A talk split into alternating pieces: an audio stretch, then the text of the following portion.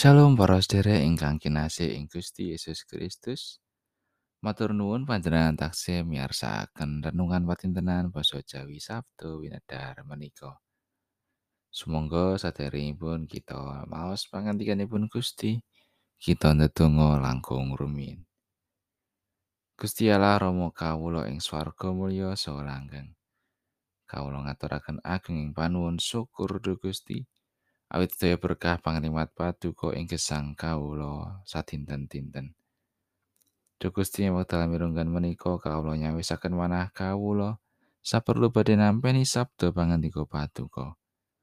Mugi roh suci paring pepadang ing manah kawula. Satemah kawula kasagetaken nindakaken menapa ingkang dados kersa paduka. Matur nuwun Gusti. Mugi Gusti ngapunteni sakataing dosa kalepatan kawula. Wonten ing asmanipun Gusti Yesus Kristus kawula ndedonga lan saos syukur. Amin. Wawasan kapendet saking Injil Lukas bab pitu ayat tigang dosa setunggal ngantos tigang dosa gangsal. Gusti Yesus banjur ngendika, Wong jenis iki bakal tak upamaake apa lan apa padane. Wong-wong iku upamane kaya bocah-bocah kang linggih ana ing pasar, lan kang padha ngucap saur-sauran. Kowe wis padha dak sulingi, kok ora joget? Aku wis padha ngidungake kidung pangaduh, kowe kok ora nangis? Marga saka tekane Nabi Yohanan Pembaptis iku ora mangan roti sarta ngombe anggur, kowe banjur celatu. Iku wong kapanjingan demit. Sawise iku putraning manungsa rawuh. Panjenengane dahar lan ngunjuk. Kowe banjur celatu. Delengen. Iku rak wong grangsangan lan karem anggur. Kancane para juru mububeya lan wong dosa. Nanging kawicaksananing Allah iku kabenerake dening saking wong kang padha nampani. Mekaten pangandikanipun Gusti ayat nat saking ayat tigang dosa setunggal. Wong jenis iki bakal tak upamakake opo lan opo padane Kaca tinggal dipun ginakaken kangge maneka warni kabetahan. Dipun ginakaken minangka aksesoris utawi namung kangge pentes-pentesan pamacak. Saged ugi dipun ginakaken minangka pirantos kangge ngayomi mripat saking rereget lan ugi saged kaginakaken minangka srana pambiyantu mirsani kahanan. Mirunggan kangge ingkang sampun radi kirang daya paningalipun.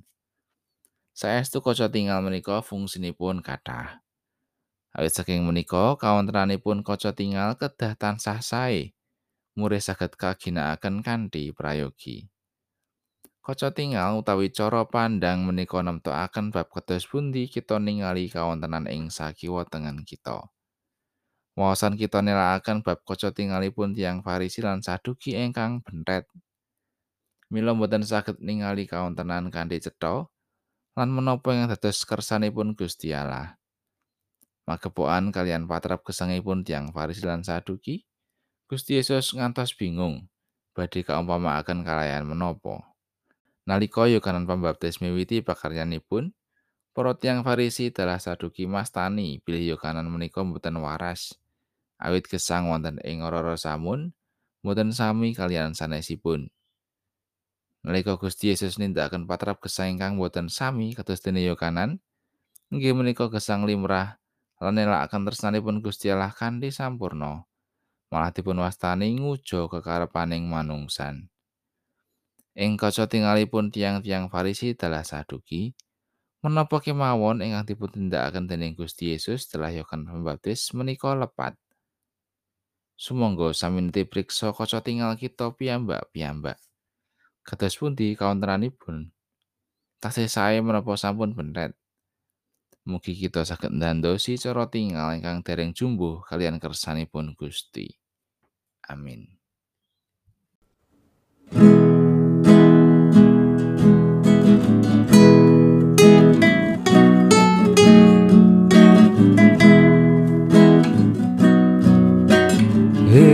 sarupaning broman